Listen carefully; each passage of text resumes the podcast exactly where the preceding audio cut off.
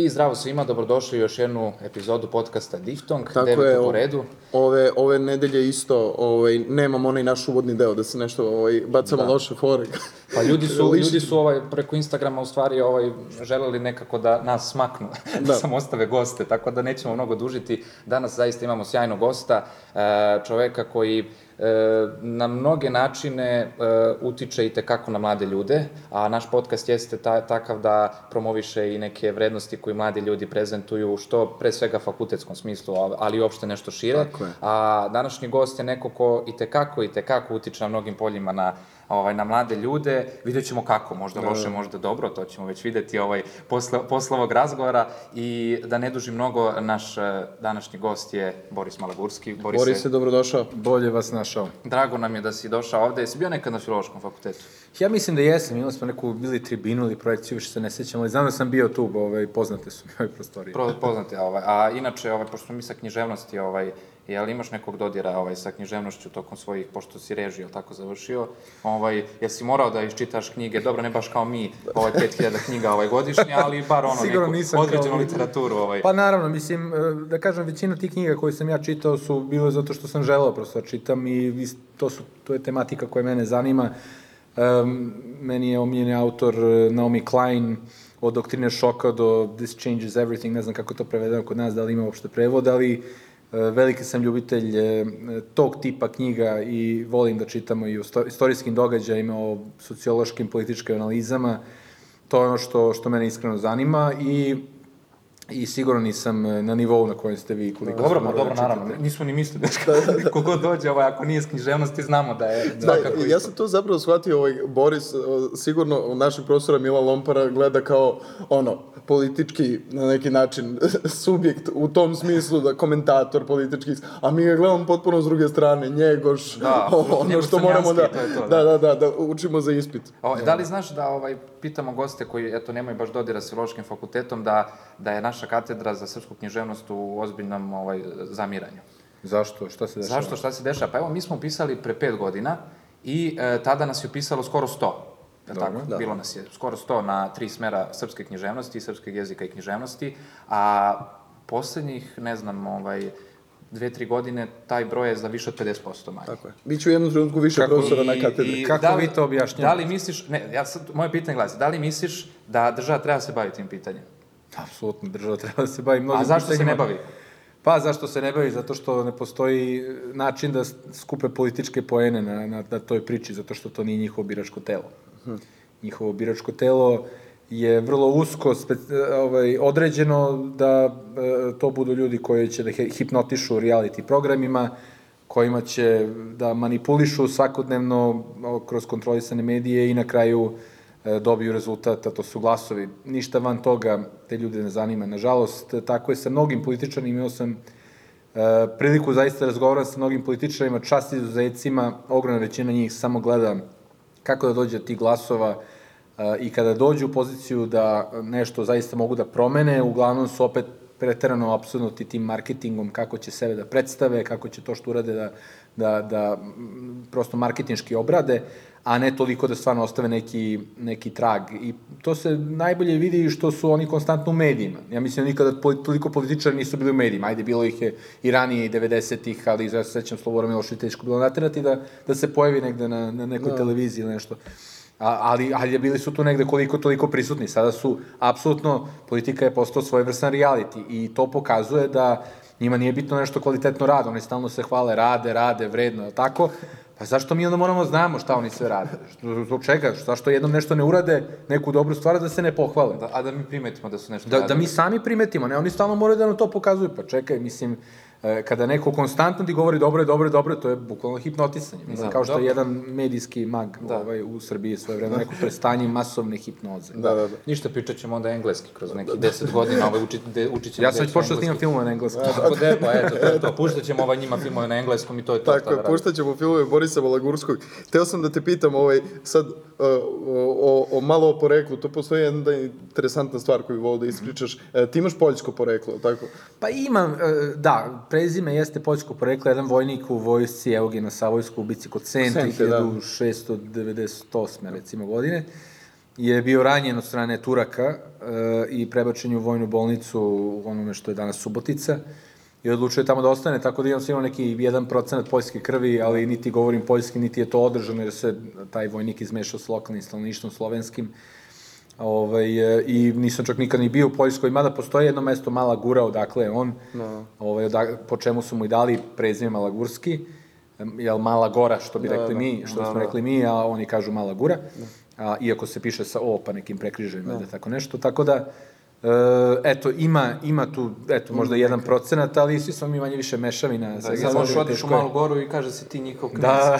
O, ja imam poreklo i ono kao, Pa ima, ja sam, čak, čak sam nešto istraživala da, je, da, je, da ima i neko plemičko poreklo negde dalje, ali Aha. nisam se ja to pretredno dubljivo, da su imali neke posede, nešto ne, silno. Znači, mogu bi u pojma. senat, ono, ili Tako da možda bi moglo da dođem tamo i kažem neka restitucija, ajde vrati. Da, da, vrati imovinu. I proglasiš za Srbiju, taj da. Morao bih, volao bih ja malo više vremena da se istražim, ima moj otac se baš u poslednje vreme malo bavi time, ali volao bih stvarno da ja imam malo vremena da istražim, jer e, zapravo poro, ta porodična priča je vrlo zanimljiva. Mi imamo u porodici, imali smo Maru Đorđević Malagurski, e, koja je bila jedna od sedam žena koje su učestvovali na, na Velikoj narodnoj skupštini u Novom Sadu, kada je izglasano prisjedinjenje Srbiji, a inače 10% delegacije Subotice su bili malagurski. Da. Tako da, to je onako ogroman doprinos i svi su naravno glasali za prisjedinjenje. Tako da, Mara Đorđević Malgurski je bila vrlo uticajna i na dvoru, čak su je bila česti gosti i tako dalje. Tako da ima tu puno zanimljivih priča, imamo i narodnih heroja i sa ove druge strane, jel? Tako da zaista Malagurski, ovaj, i Malagurski i ova druga strana moje porodice, ovaj, su, sa mamine strane, tako reći, ima tu zaista ovaj, e, puno zanimljivih ličnosti, ali Da, pa evo ti eto, si sad nasledio tu ovaj epitet zanimljive ličnosti. ja znam koliko Baš sam zanimljiv. ovaj, uh, juče uh, pričao s nekim, ovaj, da, sa Stefanom ovaj, drugarom, ovaj, jedan fun fact, kako bi rekli, koji bi mogu da kaže gledalcima, koliko je Subotica bila prestonica Srbije.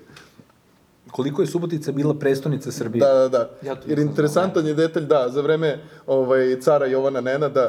A, dobro, ovaj, da, a dobro, to je bilo bila kao kratko- kratko Godinu dana, carstvo. da, zapravo. Da, da, ali eto, to je- ipak je neki ponos za grad Subotica. To jeste, ali, ali to je bilo, on je iskoristio taj neki vakum ovaj, u jednom momentu i Ali nije, nije se baš da. sjajno ovaj, završilo po njega, mislim da smo mu glavu na Da, kraju da, da, odsekli. bilo je. Ovaj, Ali ima i dalje spomenika tako. u Ima, ima, da, na gla- glavnom trgu. To je zapravo, to su, da kažem, početak te neke priče gde je Subotica u, okviru neke srpske države, ovaj, tako da, da, to malo ljudi zna, ali, ovaj, ali eto, kažem, tra, kratko je trajalo i nije on baš, nažalost, bio dovoljno sposoban da, da to nešto trajnije Da uspostavi, nego je se, se nekako baziralo na njemu, što je, nažalost, ovaj, i, i- i neka crta naših lidera koji imaju potrebu da sve bude koncentrisano kod njih, umesto da uspostave jake institucije kako bi stvari funkcionisale i bez njih, a oni sve nekako razmišljaju posle mene potop i daj da ljudi o meni pričaju kako je za vreme mene bilo lepo. Da, da, da. E sad teo sam da te pitam, ovaj, uh, kad je došla Kanada kao? Mi, mi smo inače juče, o, vidiš o, ovu, ovo platno iz, mi smo lepi i onda sam imao predlog, što ne stavimo za Borisa ovde ovako jednu belu štraftu i javorov list. smo ovo već crveno našli. Pa jeste, mislim, stvarno ne znam zašto niste. Ili mogli smo belu pa da bude ko Poljska. Da, da. Menjat ćemo scenografiju kako budemo govorili o čemu, znaš. Da, da, da. ovo, ovo, posle skida- stolje? To je Mušema. Samo ovaj, polako ovaj, pošto preti da padne. Aha, Tako dobro, da, ovaj, dobro. Barijak.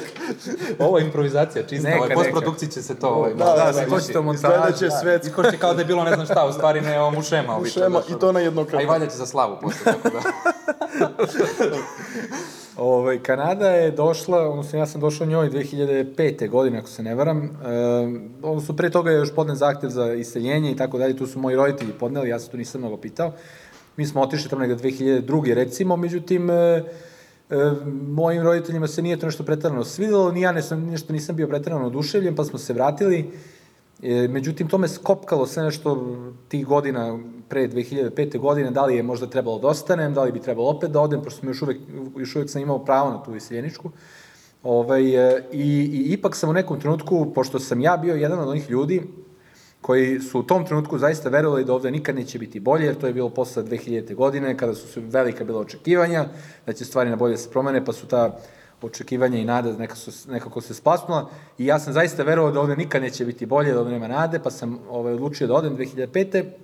I posle šest godina tamo ovaj, sam, sam ipak shvatio da, da, e, da želim da se vratim, da ne želim da živim u takvom jednom društvu kao što je kanadsko, iako ja imam veliko poštovanje prema Kanadi i ne bi mi smetalo da bude Javor listi za mene.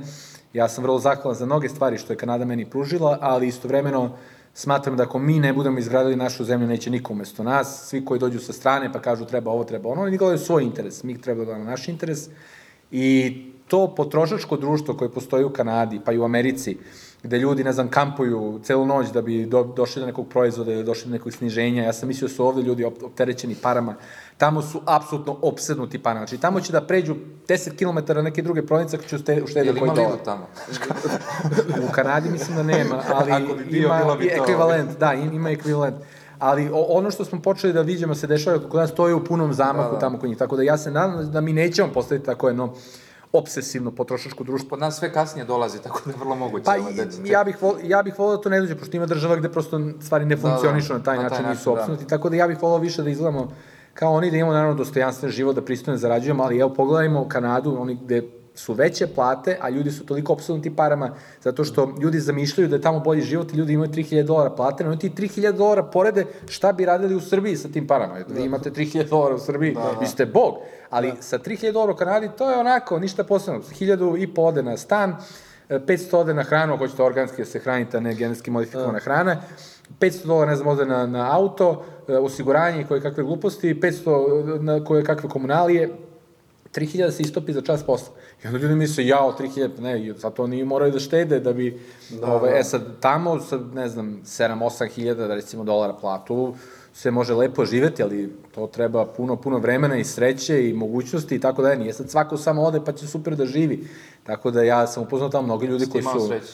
E, Pa ja sam imao pristojan U posao. kom još- si, u kom si gradu bio? Ja sam bio u Vancouveru još dok sam bio na fakultetu, na UBC-u, ove, sam radio, imao sam 20 dolara na sat, ove, pošto tamo ljudi i rade, studiraju, što, što je fenomenalno, to je Da, odlična, sjajna stvar, odlična da. plata, pogotovo što su tamo početne plate, ne znam, 7-8 dolara, ja, meni je početna bila 20 i radio sam na fakultetu, snimao sam neke konferencije, tako što je, čak sam u struci faktički radio i sve sam ja to odlučio, imao sam mogućnosti da nastavim i da napredujem i, i svašta, ali sam sve to ostavio, jer sam želeo prosto da da radim ovde, da stvaram ovde, jer su teme kojima sam se ja bavio i tamo, u filmovima, opet su se ticale nas. Pa kako ja sad sa strane da govorim o nama? E, ti završio režiju, tako? E, re, režiju sam masterirao, a pre A, to je u Londonu, tako? A reci mi, evo, pošto smo da, na, na fakultetu, kako se, kako se sećaš tih studentskih dana kako, i po čemu, se, ovaj, po čemu je glavna razlika?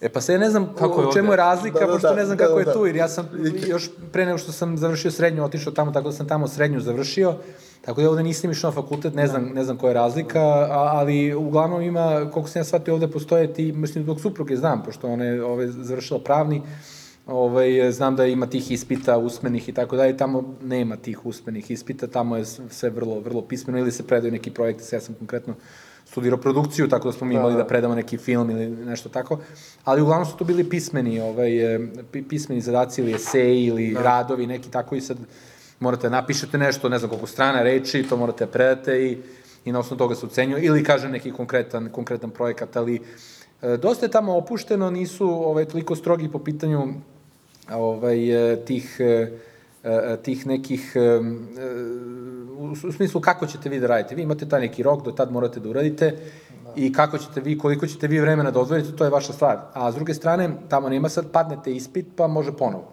Znači, ako ste pali taj predmet, gotovo. Mora sve iz početka čitava godina se Dobro što ponavlja. nema na književnosti, ovaj, pošto tu je bilo Ja- kalkulacija znači- na 15 godina, ne bi mogo A, ali, ali ono što je tamo dobro, evo sad, kad, kad, se prisjećam, ono što je tamo dobro, pošto davno je to Boga ne bilo, sad, dugo nisam ni razmišljao, niko me nije ne pitao, uglavnom o tome, ali ovaj, sad sećam se, ono što je dobro, što se meni sviđa je što ocene su podeljene, znači, ako je va, maksimalan broj e, poena je, kažemo, 100%, je li tako, ocene su mere u tim nekim procentima, pa onda imate ona A, B, C, D i tako dalje, od, ne znam, 85 do 100 je A, pa je B od 85 i tako dalje.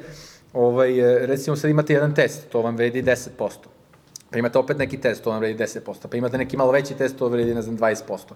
Pa imate neki projekat, to vam vredi, ne znam, 25%. I to kad, kad se na kraju, i sad imate finalni ispit koji vredi 30%. I sad vi recimo puknete na tom ispitu, ali vi ako ste sve ovo super uradili do tada, vi imate 70% i vi ste Da, prošli, to, znači nije problem. fon, u stvari. Da. Kao kod nas fon. Pa ne znam, stalno imaju neke te kolokvijume, 10%, 20%, Da, 50%, E, pa, i tako dalje. To je taj sistem. E, Da. pa da. Da, To nas I meni je to zaživi- super, zato što svako ima loš dan. Da, da, da, ne- neko može, ne idemo tog dana, ne može da se seti, e, loše se osjeća i sad mora tog dana, pa kako sad, mislim, ne može svako da bude svakog dana apsolutno savršenog raspoređenja koncentracije, to nije ljudski. Tako da meni je to okej, lepo se raspodeli, pa sad ako neki, neki dan je malo lošiji, okej, bit će neki bolji dan, pa će se Da, to je isto kao kad bi uh, profesor Milo Lompar pitao gde je sve do sita i putova da nabrojiš svaki grad. Prosto, to, je, to se zove loš Baš dan. volite da pričate o Milo Lomparu. Tako Da, da, ovaj, da. To je ovaj to. E, ali to je, sećaš, to je najpopularnije pitanje. To je najpopularnije Ja- pitanje, pošto svi učili gde je do sita i putova. Svi, svi su znali ono gde je stajao ovaj, na koju benzinsku pompu. Da, da. ovaj, e, reci mi, jesi gledao hokej u Kana, Kanadi, pošto je tamo ovaj, popularan Aj, sport? gledao sam, ovaj, gledao sam, kad, gledao sam samo jednom iskren da budem, ovaj, kada je bila olimpijada u Vancouveru, ja sam bio tamo, kada su Kanadjani pobedili Amerikance. To je bio tako predivan izliv anti-amerikanizma u srcu Kanade. Ima onaj stih od ovaj, čuvenog ovog repera Mikrija Mausa kad kaže ovaj, seljaci mrze ili se dive građanima, Ameri se sprdaju s Kanadjanima. Da, postoji taj Kanadjani, Kanadjani isto tako ne vole Amerikance, oni misle da su oni previše agresivni, previše Hegemon. divlji, glupi i tako da imaju te neke predrasude. Pritom Amerikanci su, kao i svaki drugi narod, eh, sasvim normalni i pošteni, ima i nepoštenih i tako dalje, jel, ali prosječan čovek je okej. Ka- Isto kao i Kanadjani. Ali tog dana je onako bilo ja- veliko zadovoljstvo da ovaj, da, da izađem na ulice, pošto ceo grad je izašao na ulice kada, su, kada je Kanada pobedila Ameriku u finalu, jel, Ima na olimpijadi. Nije, ali sećam se, to, to je bila stvarno ludnica. Pritom, Kanadjani su inače vrlo onako e, mirni, staloženi, proračunati i uglavnom su pošteni. To je, mo- moram da kažem, Kanadjani su vrlo pošten narod. Znači, kod njih nema, recimo u školi, ja se sećam u srednjoj školi, nema prepisivanja kao što kod nas se prepisuje, javi mi Puškice ostalo, puškice, to, ne, to tamo kod njih je nezamislivo. Ja, meni je čak bio šok, ja se sećam iz geografije, beše, ovaj, je e, e, bio neki, e, imali smo foru da imamo svaki dan neki test, kao, i to vredi, ne znam, par procenata ocene, ovaj, i, i, i, i sad test funkcioniš tako što dobijete papir i stavite, napišete 1, 2, 3, 4, 5, 6, 7, 8, 9, 10, 11, bonus pitanje, i sad e, nastavnik, profesor, u stvari pročita pitanje, mi ne pišemo pitanje, samo slušamo pitanje, samo pišemo odgovor. I on sad pročita sledeće pitanje i mi pišemo odgovor.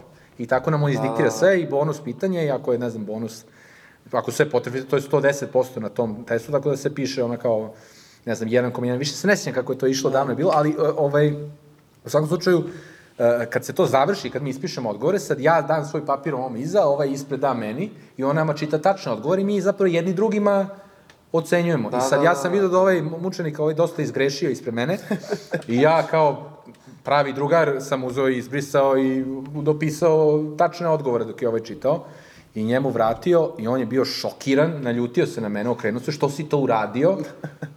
I ako, izvini, kao, neću više, hteo sam da ti ono pomognem. Sr Kanadjani su pošteni, ali Srb, Srbin kad dođe, on ne mogu Da, da... da. I onda sam saznao da u tom razredu ima neki ovaj Davor iz Novog Sada, Ovaj, I onda smo on i ja sedeli jedan iza drugog, pa smo i jedan drugom samo dodavali uvek smo isledali.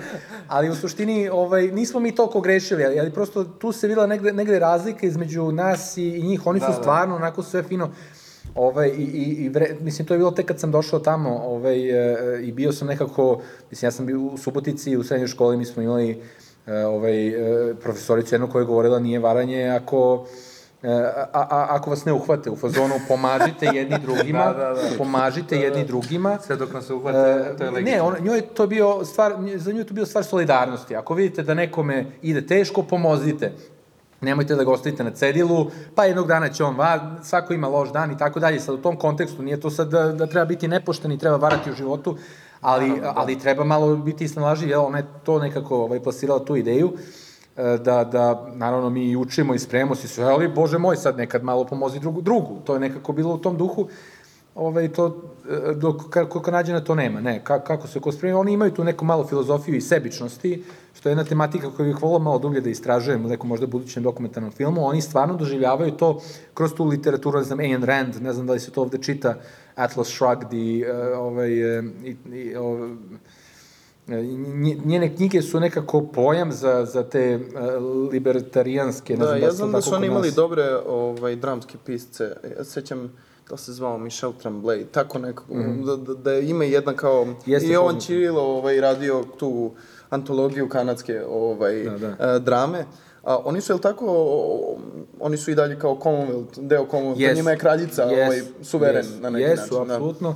Je li E, ih to tišti, da li si to, da li Ne, si ja to da oni, primetio, da? ne, pa oni su imali ovaj em, Pierre Elliot Trudeau, premijera, koji je 82. ako se ne varam, doneo novi ustav Kanade, po kojem Kanada ne mora ništa više da pita kraljicu eh, kada donosi neke odluke. Pierre Elliot Trudeau, inače, slavljen kao heroj koji je bio u dva navrata, čini mi se, premijer, sprečio je separatizam u Quebecu ovaj, i bio onako ozbiljna faca za razliku od njegovog sina koji je sada ovaj, trenutno premijer Kanade. Ovaj, tako da uh, uh, oni su uspeli na taj, neki, na, na taj Da, način da, da, da, se da, da. odvoje. Mislim, to se sećam, to sam tamo učio ovaj, još u srednjoj školi o, o Prije- Pierre Elliot Trudeau Da. i, i, i svemu što je on činio za Kanadu i njega stvarno ovaj, e, e, doživljavaju kao heroja njega i, i Tommy Douglasa, ovaj, koji je uveo besplatno zdravstvo u Kanadu, što Amerika nema, pa oni se Da, da, vole hvaliti time da oni Da, da, imaju ti- besplatno zdravstvo, a Amerikanci nemaju. Znači, Zato su- Trudeau- Dakle, oni su bolji od Amerikanaca, to je njihova, to je to. njihova logika. Da. A reci mi, ovaj, malo bih preusmerio priču na, na, na film. Mhm. Ako se ne varam, ti imaš e, svoju produkcijsku kuću baš u Kanadi, tako je sedište ili zvanično, kako se već to Pa vodi. imao sam, imao sam tamo, Ne, ali to je ovde- premešteno ovde. Da, da, to je kako, Malagurski Ja, sinema. e, tako Malagurski zove. sinema, tako je. Da, da, dobro, dobro sam se ovaj, informisao. Da, da, da. Moram se bar malo se spreje, nema baš tek tako, ono. ovaj, pa šta, mi, le- lepili smo ovo, zakucavali smo i onda nismo, ovaj, kako se zove uopšte, na pitanje, rekao, čoveče, šta Toliko ćemo da se pitam? da smo što- se iscimali oko studija da na kraju... kao šta da radimo, znaš, dobro. Ali reci mi, ti si e, vrlo mlad, čini mi se snimio e, prvi deo Težine lanaca, tako?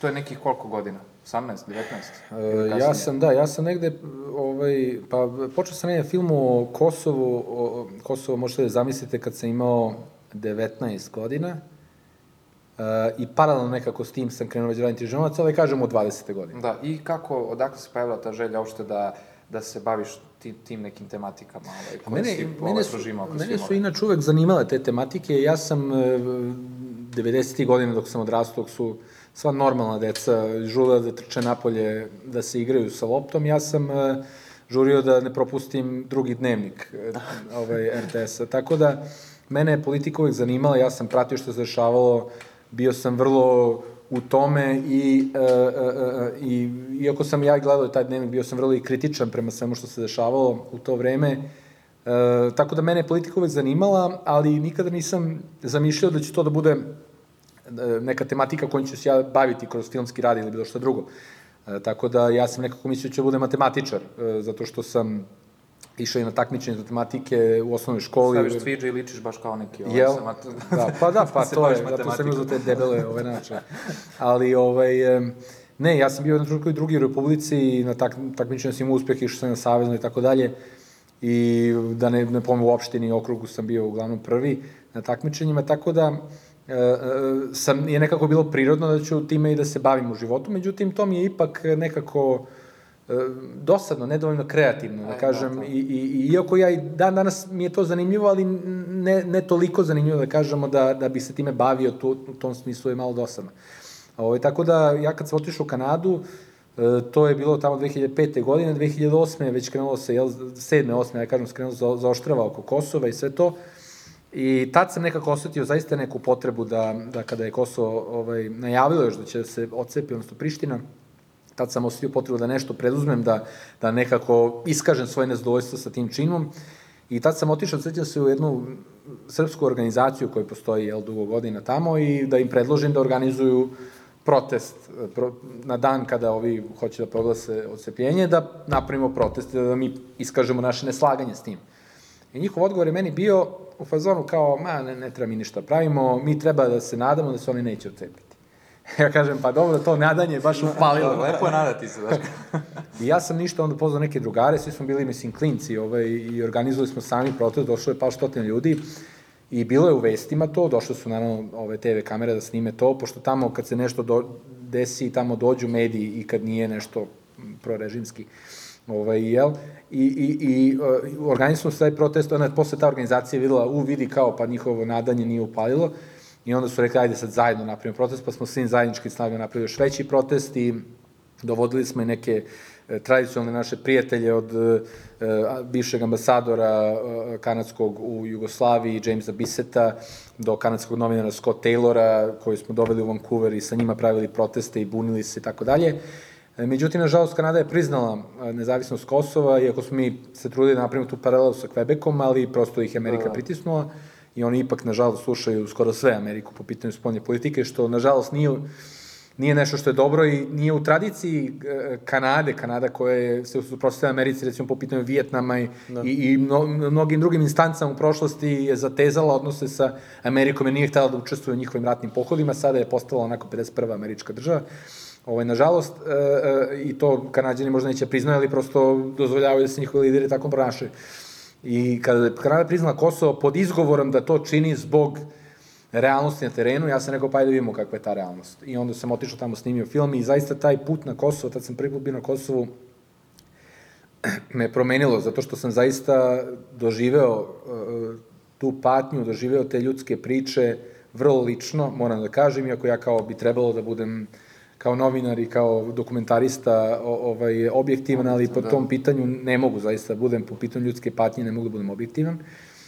I, e, i snimali smo taj film, ispričali priče o tim Srbima koji su ostali tamo u nemogućim uslovima, ali zaista nemogućim uslovima. Mislim, mi smo obješli tamo jednu bakicu koja živi u okolini Uroševca, to je jedina bakica u tom selu, koja je Srpkinja i mi čim smo došli kod nje da je posetimo, odmah su upali Albanci, šta mi radimo. Ona je bukvalno pod prismotrom u zatvoru, da, da, uh, u kavezu. Mislim, to je, to je onako mučno za, za jednog 20-godišnjaka ili 19-godišnjaka, u stvari tada da doživi i da vidi i ne može da, da ostavi čoveka ravnodušnim. Tako da posle toga sam prosto želeo da ispričam i te neke druge priče o tome kako je uopšte došlo do toga, koji je uzrok raspada Jugoslavije i tako nastao težina da. lanaca i Kasnije, tad je da, već to, to tim A- putem krenulo. A e, Kosovo moment civilizacije, to je kasnije se Da. snimio taj film, ovaj, i e, ti si krenuo na promociju, ali tako, projekcijonog filma na Kosovo i tad su te, ovaj, tad su ti zabranili. Jeste, jeste. I Kar... imaš i dalje ne možeš da uđeš I dalje ne mogu da uđem, pošto sam dobio tu neku trajnu zabranu, taj neki papir. Kao Vlado Georgiju, ono, svoje vremeno. Da, za, za Crnu za Goru. Crnu Goru. Pa dobro, ali on se vratio, ovaj, Da, tamo da. se vlast... Ti još se nisi vratio. Ja se još nisam vratio, čekamo da oslobodimo ovaj, A to je zato što nekako, ovaj, ti sad si pričao ovaj, pro- protesti u Kanadi, stalno se nešto buniš, stalno nešto ovaj, praviš Da, ovaj, neke, neke proteste, pa neće više niko te pusti, bre, pa ne znaš kao, kao Da, da. neka- Znaš kao u filmu Profesionalac kad kaže ovaj, za, za, ne mogu da se setim lik, ja mislim da se zove Jovan, ovaj, glumi ga Miki Krstović, kad kaže, ma zovemo ga Trocki, kaže, samo ga, ovi iz službe, kaže, samo ga pošaljemo u neko preduzeće i on odmah napravi protest. kaže, pobuni radnik. Tako malogurski ideje, stalno neka uka ne, buka, znaš ljudi, kao. vidi koliko je čas kada se Haradinaj proglasi pretnjom. Znači, ja još od tog prvog filma pokušavam da ugrozim taj projekat lažne države Kosova. Sad sam dobio pečatiranu potvrdu da sam pretnja za, kako su rekli, nacionalnu bezbednost i međunarodne odnose Republike Kosovo. Ali si uramio negde taj papir, imaš ovaj, ja to ti- čuvam, to mi ti je najdrži papir. Znači, e, samo zbog toga, nije mi drago što ne mogu da idem više Dobro, na Kosovo, naravno, da. naravno. Ali sa, sama činjenica da, da, da smo uspeli da ih ugrozimo i da sabotiramo njihov pokušaj da uđu u UNESCO, što je istraživački servis Kongresa Sjedinjeničke države u jednom izveštaju priznao da je taj film ima uticaj, da Kosovo ne aplicira za UNESCO 2017. godine, tako da ljudi postigli smo fenomenalnu stvar. To Sad što ne što mogu da uđe, ma, pa dobro, to je mala žrtva ovaj, e, naspram višeg cilja. Da, a sad ovaj, e, evo ekskluzivno, da li možeš da najaviš šta izlazi u maju, novi film? 7. maja premijera, svetska premijera filma Crna Gora polenja zemlje u Podgorici. Biće u kripti hrama, dakle to još nigde nije objavljeno, ovo je apsolutna Ovo je ekskluziva. ekskluziva, čoveče, zar mi tako mali Evo, konačno smo podcast dobili. možemo Baš, da... baš vi da- zaslužujete, jer ovi veliki mediji imaju već dovoljno ekskluziva, tako da e, ja uvek želim da podržim i, i, male, uslovno rečeno, medije koje čine velike stvari. Mala i srednje preduzeće. Upravo tako. Ovaj, pa i moj otac je inače bio dugo godina direktor agencije za ovaj, male i srednje preduzeća u Subotici, tako da on je eto isto... to je nasledno, znači... Ovaj, On je uvek podržavao male i srednje preduzeće i objašnjavao mi je da je to, još dok nisam pretano bio upućen u, ovaj, u ekonomiju, on je meni objašnjavao da je to temelj zdrave ekonomije, jake ekonomije, ne da dolaze strani investitori, e, neke kompanije koje će da uzimaju nisko kvalifikovanu radnu snagu i da eksploatišu radnike za bedne plate, to nije pokretač ekonomije, to je ono kao ajde flaster na duboku ranu, pa ti ljudi eto makar nešto da imaju, mislim, ali to nije, dugoročno to nije rešenje, znači to produžava nekako agoniju, to je ono kao ne davimo se, nego o, voda je negde tu, pa može još nekako kao da se malo, da, diše. da, da, Mislim, to, to nije rešenje, tako da mala i srednje preduzeća i treba na- o tome da se razmišlja, o tome niko ne razmišlja u ovoj zemlji, nažalost, zato što je fokus na stranim investitorima. Znači 7. maja. Tako da 7. maja, da, da ne skrećemo Nešto o previše filmu teme, e, i, i odmah da kažem da će biti u Srbiji, e, 21. maja će da bude premijera u Beogradu, e, u Cineplexu Ušće, u dva- 20 časova, E, mislim da će karte budu prodaje od 10. maja u, ovaj, u Cineplexu.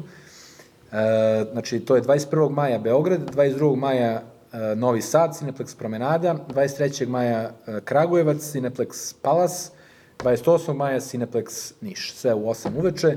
Kažemo, stavit 10, ćemo opis to. od 10. maja, da, kreće prodaje karata, tako da, da skratim, sve što budemo dodavali, sve projekcije bit će na malagurski.com kroz Crna Gora, sve zajedno Crna Gora. Dobro, dobro. Tako da ljudi mogu da odu malagurski.com kroz Crna Gora i tu link. mogu uživo da prate kako mi ubacimo nešto, tu će se pojavi kad je. Koliko si dugo snimao taj film?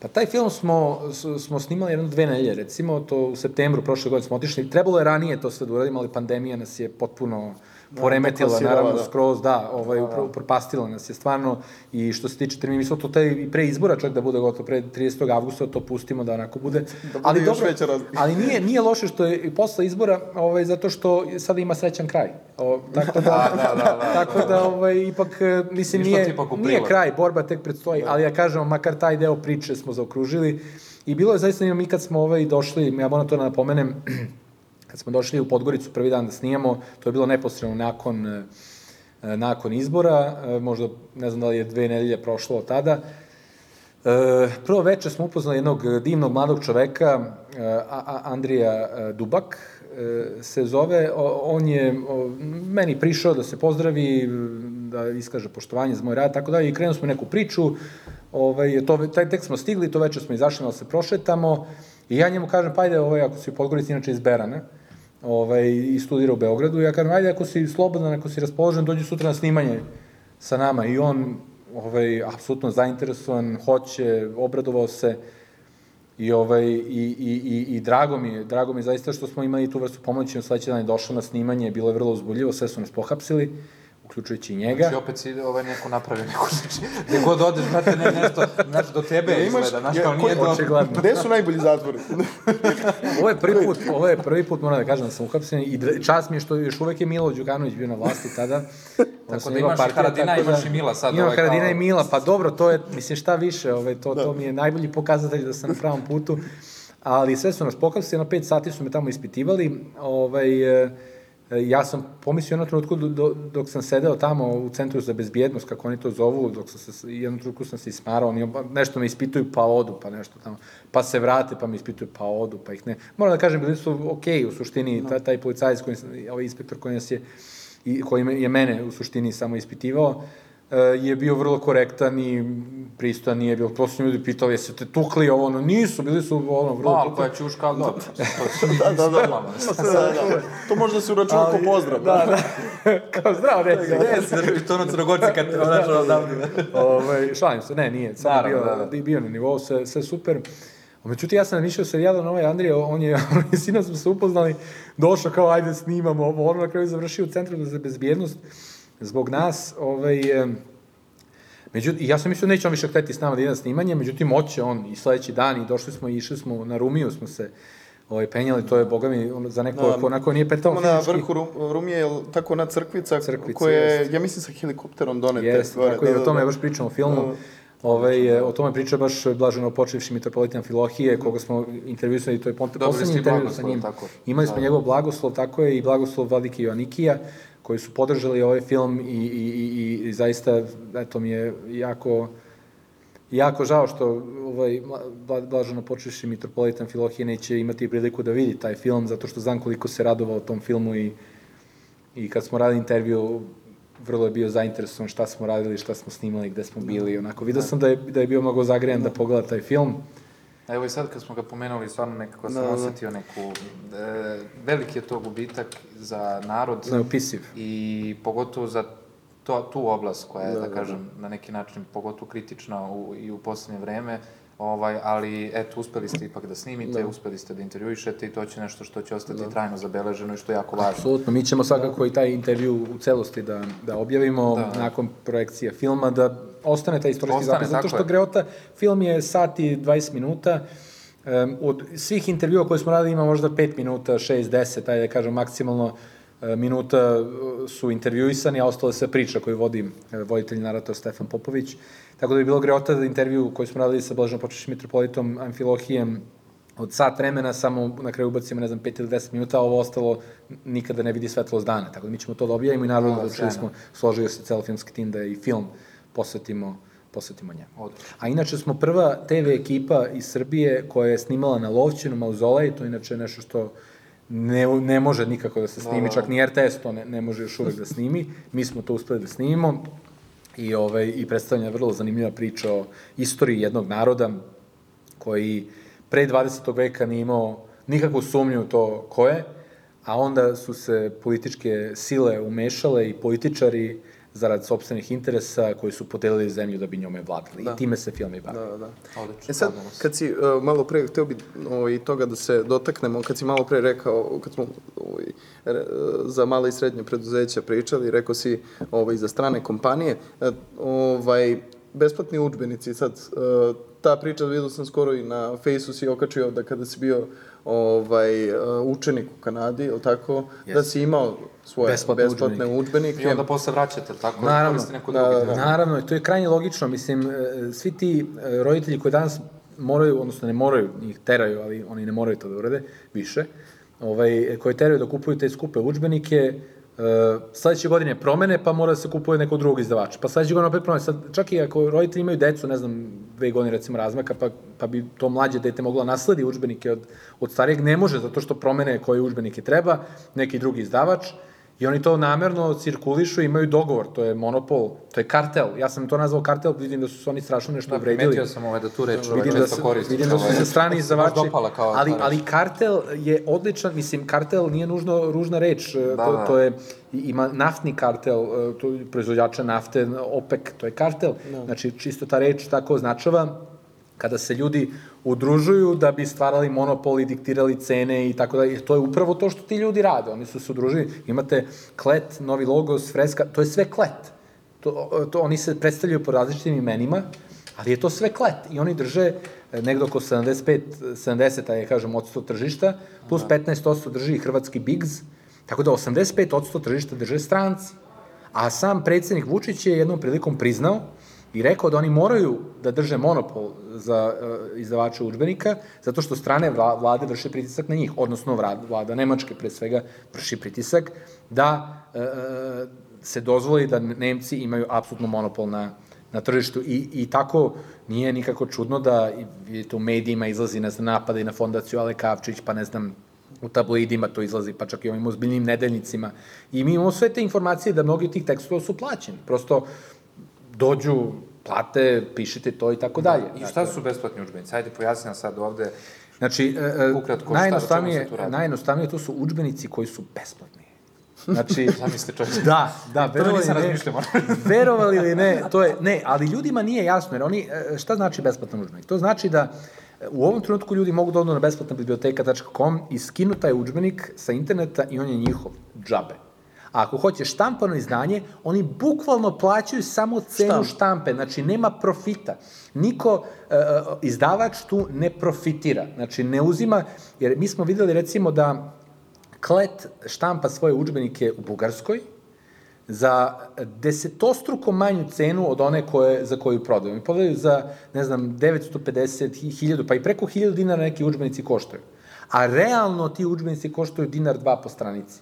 I onda e, oni koji hoće besplatan udžbenik, oni odu na sajt besplatnobiblioteka.com, naruče za 2 dinara po stranici, što je minimum, ono stvarno, mislim, može verovatno i manje kada bi se e, izašlo u susret od strane nekih štamparije i tako dalje, moglo bi se za još manje tu spustiti cenu da to dođe na dinar ovaj, po stranici i bukvalno oni plaćaju tu smešnu cenu i na kraju udžbenik možda košta 200-300 dinara umesto 1200-300 dinara. Da, a kakva je tu bila sad neka frka kao autorska prava i to, o čemu se tu radi? Je to osnovano, neosnovano? A to su, znate kako, ovaj, E, ajde da kažem ovako, ne bih sad da, da, da govorim stvari koje ne mogu ovaj, činjenično da potvrdim, ali malo je bizarno da kada imate situaciju da jedan autor jedne knjige, koju niko ne, ne bira u školama, jer ljudi treba da razumeju, svaka škola bira koje će učbenike da odabere, a, a onda roditelji to kupuju. I oni to kažu da je slobodno tržište. To nije slobodno tržište. Slobodno tržište je ako ti odlučiš šta ćeš da kupiš i to i kupiš. A ne ako ti odlučiš šta će on da kupi i onda on to mora da kupi. To nije slobodno tržište. Da, da, to je to je nemoguće. ucena na neki način. Ne možeš ti da odlučuješ za njega šta će da kupi. Znači, ako on kupuje, on odlučuje. A ako ti odlučuješ, znači ti imaš onda obavezu, dužnost da čuješ njega. I to je tako i po zakonu. Škole moraju, odnosno e, nastavnici i direktori, moraju da odlučuju u skladu sa odlukom saveta roditelja. Oni moraju se konsultuju sa roditeljima. Ako oni ne pitaju savjet roditelja, to nije legitimna odluka. Ako savjet roditelja kaže mi nećemo to, a oni opet uzmu, to nije legitimna odluka. Znači, mora savjet da se pita. I u mnogih školama smo imali situaciju gde savjet kaže hoćemo besplatne užbenike, škola kaže ne, ne može. I sada imamo situaciju da e, ti roditelji zapravo neće kupovati te, besplatne, te skupe udžbenike, nego će opet zahtevati besplatne. I u nekoliko škola su se roditelji pobunili i na kraju su opet dobili besplatne udžbenike. Tako da, moja poruka roditeljima je da se bore. Ali ono što je e, vrlo bitno, znači, sada u ovom trenutku roditelji više ne moraju nikada da kupe ni jedan jedini udžbenik, jer nigde se u zakonu ne zabranjuje upotreba PDF-a. PDF je bolji od digitalnih udžbenika, zato što PDF skinete sa interneta Da, i vaš je i koristite ga bez interneta. A digitalni udžbenik, svaku stranu koju okrećete, mora da se šalje informacija od servera tamo negde u Nemačkoj, gde je već, i da se vrati i vi stranicu ne možete okrenuti ako nemate internet. Znači, padne internet i se zamislite da u školi sva deca koriste u istom trenutku Da, okreću stranice. za Ko je to? Oni zato uvode optičke kablove po školama i sad se hvale time kako će država da uvodi optičke kablove u školama. Znači, mi plaćamo te kablove da bi strani izdavači mogli da profitiraju od digitalnih udžbenika. I oni kažu, pa ne, ti digitalni udžbenici su besplatni, dobijete ih uz udžbenike, udžbenike čiji, koji paketi koštaju po 150 evra po detetu. I sad zamislite za nekoga ko ima platu 300 evra i ode 150 evra samo na udžbenike, a ima dvoje dece, ode 300 evra, ode jedna cela godišnja, cela mesečna plata Da, u toku da, godine da. samo na udžbenike.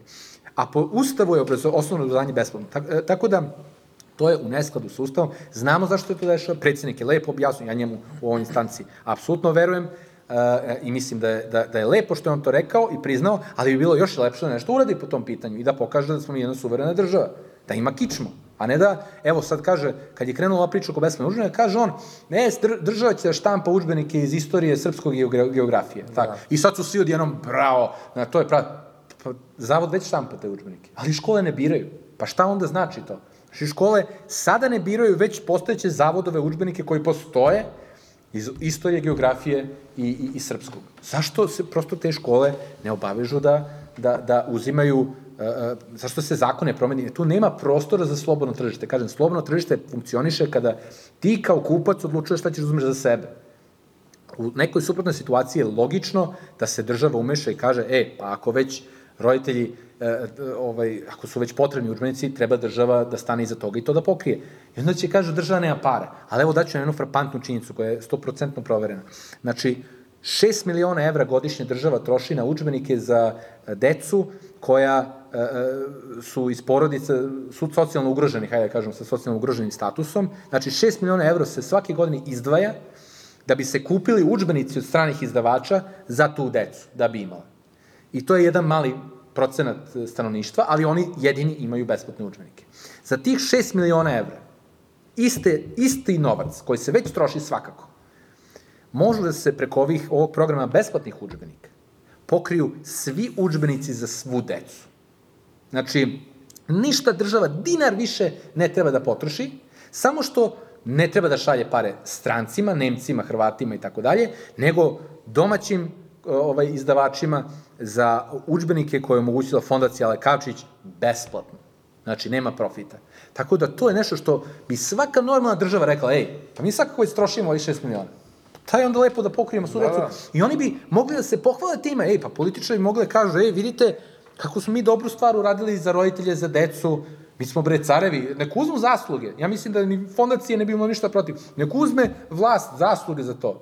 Ali omogućite, ne. Zašto? Zato što moraju da, zato što ne odlučuju samostalno. Da, i kakav je Zato što su oni postavljeni ove te- Koliko sam ja besplatne shvatio, izvini, o, o, oni su hteli samostalno i onda je došao neki dopis iz ovaj, Nemačke, ali tako, od eh, nekog direktora To da mora je, da to je se... sad, ja predlažem ljudima da pogledaju da, da se ne bismo previše rasprinili, da odu na YouTube i ukucaju učbenički kartel, I tu zaista mogu da vide onako od godine do godine, intervjuisali smo značajne Da, aktere u toj da. celoj priči, pa i ove, Sloven Šuvakova koji je onako bio celoj toj priči sa, sa Sr- Srđanom Verbićem, višim ministrom prosvete, Tako da smo jako lepo objasnili kako Mhm.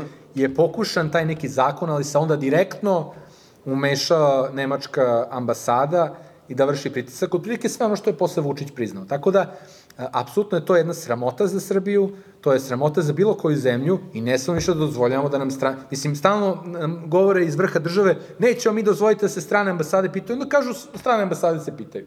Pa čekajte, pa ste vi neka kao drugačija opcija i onda su oni kažu, pa da, ali, ali i pre nas, pa što ste onda vi došli ako i pre vas bilo isto? Mislim, Da, valjda su te vi došli na vas da nešto promenite, a ne da samo svađate, pa ne, i oni su to radili. Pa što ste onda vi tu? Čemu onda svrha? Tako da kažem, e, država bi mogla aktivno da se uključi u tome. Imamo para, već onoliko para trošimo svakako na udžbenike za socijalno ugroženu decu. Znači, hajde da prosto sa tim parama pokrijemo Pokrijemo sve. sve, da. Znači, u čemu je problem? Ja stvarno, jedini problem je to što su to ljudi koji, eto, nemaju kičmu, nemaju hrabrosti da, da kažu Nemačkoj ambasadi ne, oni ne smeju da kažu Angeli Merkel ne, nego vidite vi predsjednika dole tamo, sad se onako pogrebi da se pogrebiti dalje ne može. I, ovaj, I onda, a tamo je manji od makovog zrna, gde bi trebalo da bude silan, a onda dođe ovde, pa lupa šakom sto nama Srbima, ako da nama treba da bude silan. Ne, on ovde treba da bude rob, jer mi njega biramo, a tamo treba da bude silan da se izbori za naše interese. Ja barem to tako doživljam. Da, a reci mi, ovaj, e, negde sam još pre pročitao i da si e, rekao da je jako važno da se mladi ljudi bave politikom. I da je to nešto što može da nas e, odvede ka nekom svetlu. Pa, mislim, svi, svi mi moramo da se bavimo na neki način politikom, na ovaj ili onaj način, bez e, obzira da li to znači kroz neku političku stranku Dobro, ili da. kroz medijski rad, kao što se trudim, ja radim kroz umetnost, kroz filmove i Nisi tako ti u dalje. stranci, jel? Nisam ni u jednoj Ja stranci nikada bio. da. Ne, ne, nisam nikad bio. Možda zvučim kao da jesam, ali Čekaj, rekao si koje si, koje si godište? 88. A, dobro, dobro. Nisi bio o- ovaj pionir. Ne, nisam to, da, bio tačno. pionir, ne, ne. Ovaj, nisam, nisam bio zaista ni jednoj stranci, mada su meni kad sam dolazio iz Kanade pričali ljudi, ma neće ti ni jedan film snimiti ovde, ako nisi u nekoj stranci, ako nemaš neke veze, ako ne znam ovo ono. Eto, nisam se stvarno učlanio, kad sam drvo ni jednu stranku, ovaj, niti sam imao bilo kakve da je veze, nisam nikog znao. Mislim, ja, ja kad sam došao ovde, ja bukvalno nikog nisam znao u Beogradu. Ja sam iz Subotica, znači Beograd nikad nisam živeo, došao sam ovde i evo koliko smo filmova snimili do sada, tako da ne mogu da kažem. Još jedan film, ovaj, setio sam se sad, uh, igrani film, je li to jedini igrani film, ovaj, to je tvoj master rad, ja sam bio Nažalost, na jedini. festivalu kratkometražnog filma u Domu Aj, nisi ga omladine. video Da, tamo? bio sam Aj, tamo, da, da. se svidao, kako Sa Igorom, ovaj, odlično. Igor je tu odigrao jednu važnu ulogu, zaista, kad je prošao i kada su samo leđa videla, tako da je Koju i Niković ostavio zaista u senci. On je duša tog filma. Bez, bez A da toga... koliko on meni to pričao? Ja, ja prolazim kroz kadar, ja prolazim kroz kadar, ja prolazim kroz kadar i ako sad nešto ću da vidim, znaš, samo vidiš leđa, znaš kako Ne, mi smo... sekund. Mi smo... A nije to beznačajno, nama je trebalo stvarno... malo. Igor, Igor Topalović je divan čovek i jako mi je Bio nam drago je u što- prošloj, prošli- u prošloj emisiji nam je bio pa za one koji nisu gledali, neka pogledaju. Ali, ovaj, ali stvarno Igor je jedan sjajan lik i imali smo odličnu saradnju, ne samo na tom filmu, to je, ajde, kao mali vrlo Naravno, delić da, priče. Težinu lanaca 3. Težina lanaca 3, tu smo ovaj, vrlo tesno sarađivali i zaista je divan čovek i veliki profesionalac i što je najbitnije, bar meni iskreno, iskreni patriota, Uh, jer pravi patriota se bori na način na koji se bori Igor Topalović. Znači, ne da sad tri prsta, zastava... Nego ludilo, dronom preko guče. Nego što- dronom preko Guče, da. nego, nego vrednim rad. Bio sam, bio sam puno puta. Bio sam, ne pitaj me. da, kao, ne, nema više. Da. kao nemoj, nemoj, potisnuo sam. ovaj, e, ne, bio sam puno puta, naravno, ovaj, e, Si samo kad je bio sabor ili si Vole nekad bih jednom ovako? da odem i, i kada E, nije sabor. doći. Tada doći. Volio bih jednom da, da odem kad nije sabor, ovaj, zato što išao sam par puta kad je bio sabor, meni, ja volim trubu, mislim, ne- ne, nemam šta da se stidim ili bilo šta, meni je tamo super, ja, ja volim tu atmosferu i, i, i to veselje i Da, volite vi koji dođete, mi koji živimo baš nije da... da, A da dobro, sad šta da radi, istrpite par dana. Nije... Posle živimo cijele godine od toga. Bio ti nekad u Subotici. Bio nekad u Subotici. bio sam i moram priznati da je jedan od lepših gradova. Jeste, meni je, bio, meni je možda jedan od sigurno To je naj... stvarno jedan od lepših gradova u kojem Jeste, sam bio i uh, 2016. sam bio, tad više nisam odlazio, ali imam jako želju da odem, da još jedno malo Ja sam da sagledam, je, malo bolje sve to. tako, mislim, to nije baš najlepša informacija za Suboticu, da je po broju tipa suicida i toga da je među u, u Pa vrhovima. jeste, nažalost, to je valjda zbog ravnice, nemam Da, pojma, ovaj, i u Mađarskoj ima veliki Da, broj da, da, suicida da. isto zato što je veći deo Mađarske ravnice, tako da moguće da, da to ima nekakve, Da. nekakve veze, valjda malo ta ravnica ubio pojam, ali... e, Čekaj, znaš mađarski? Nešto malo. A reci mi, ovaj, nećemo više mnogo da te zamaramo, ali ja moram pomenem to, ja, sam, ja se uvek smejem kad gledam, ovaj, ti si imao, ti si naravno i TV lice, tako, imao si neke Bio, emisije, da. bio, nisi više, tako? Pa ne radim više na televiziji. Slobodna televizija, to je bilo poslednje. Uh, Ovaj. Slobodna televizija jeste bilo poslednje, mada evo mogu da, da vam dam još jednu ekskluzivnu informaciju. Evo, ajde, sa ovo je stvarno ne znam. Prelazi na RTS sad. Ne. Kamo sreće da mogu. Imao sam ja razne ponude i za neke televizije sa nacionalnom frekvencijom da, ovaj, eh, da radim, ali ne bi bio, imao uređivačku slobodu, pa sam odbio. Ali ovaj, eh, na dve televizije konkretno. Vidim da se nešto ovaj, snimateljke smeju. Jako. Sve u redu, uživo, ne, ništa. Sve okej. Ovaj, eh, ali, ali sam to odbio, ali evo mogu da vam kažem ekskluzivnu informaciju da 14. maja bi trebalo da bude premijera nove sezone Malagurski ukratko. Emisija koju sam o, radio na Slobodnoj. Tako da, eto, neka ljudi prate YouTube kanal. Šta ćemo mi s ovim ekskluziva, moram podelimo u dve emisije malo da... ovaj, Označit ćemo na da, koji ovo- minuti ka, ide ekskluziva. Kad je Ne, ja volim, mislim, me- meni su iskreno, ne, da se ne naljute ovi ostali, meni su draže ovakve neke emisije, ovaj, e, nego ono što je sve uigrano, pa tamo neki gost samo da, dođe da, da, šuljica, A nemaju ovo, pojma, ovo, ovo, ne, pa ja gledam te u nekim tim jut- jutarnjim programima, ne, nisu svi, da odmah kažem, ima zaista ljudi koji posvećeno i požutvano rade svoj posao, ali ima i ti neki jutarnji program, dođe jedan gost, pa dođe sledeći, nema oni pojma ni s kim su pričali, samo im bubice govore, pa pitaj ovo, pitaj ono, aha, I onda dobro. ako nešto ne ide, po, znaš, po, krene po zlu, samo vidiš ovako facu kako se menja. Da, Znaš, da, I da. ovo radi. Ja sam uvijek Da, da, kao- kao, jesi ti, jesi ti imao bubicu kada si uh, iz režije kao? A, Kad sam radio, ja kad mislim sam da ja poludeo od, na, od, na, na, na Happy, jel dobro ovaj, snimate? Snimate kada, okej. Sve okej, dobro, dobro. ne znam na šta Napad konkretno. smeha ima, vi ne vidite, vi ne vidite ovo. Na šta se konkretno... Šteta, Nema zarazno. Ni za jedan gost, gosta se nije ovako smejala, znači, toliko je zanimljiv. Da Ne znam šta sam, je- da, bar zašto sam rekao, nije zbog mene sigurno. je Televizija vas. s nacionalnom frekvencijom, to je da, da, jako smešno zapravo. To stvarno izaziva onaj morbidni Da, smeh. da. Porite, sad čekaj, zaboravit ću te pitam, moram te pitam. Znači, obožavam e, epizodu Revolucije kad ideš s kozom ovaj, e, ispred Pinka, ovaj, Jao, da. ali mi najzanimljivije tog snimka ovca koji si morao da vratiš u kombi. Da, nije Ovca- htela. Što nije htela? Ovca I nije vidiš htela. Borisa ovako, znaš kako ide, ona ga vuče još da je održi. Ne, bukvalno. ne, ne. Ovca nije htela da kroči u pink ni za živu glavu. Znači, morali smo da je vratimo, ali koza je bila više nego za- zagrejena da uđe. Ovaj, međutim, nisu je na kraju pustili, ona se tamo, da, da izvinete, posrala ovaj, ispred pinka. Da, bilo je baš onako... Ove, što u suštini, ajde da kažemo, možda je bilo i prigodno. Da, pa znala je, ona je čekala, trpela dok nije došla do Pinka. Tamo Pa onda sve ovo je slučilo što je istorilo. trebalo. Ove, da, da, dobro, ne, Ti mislim... si performer, je li tako? Znači, pa, Jesi upoznao taj, Marinu mislim, Abramović nekad ovaj, Nisam, nisam, ovaj, mada sam imao priliku kad je bila na Slobodnoj, ali uh, ja sam se trudio ta emisija da bude ovaj, uh, zaista da ima i lepu poruku, ali da bude i zabavno, da bude malo Da. i zezanja opušteno. Ne, ne, da sjajno bude meni je sve to, to, to, ovaj, to, to je bilo e, odlično. To je na Happy, ili tako išlo? Na happy je išlo, da. I šta je bilo? Pa ništa ne ide više. Ovaj, e, Išla je, znači. Da, da, ne, nažalost, ovaj, e, ta emisija je ukinuta.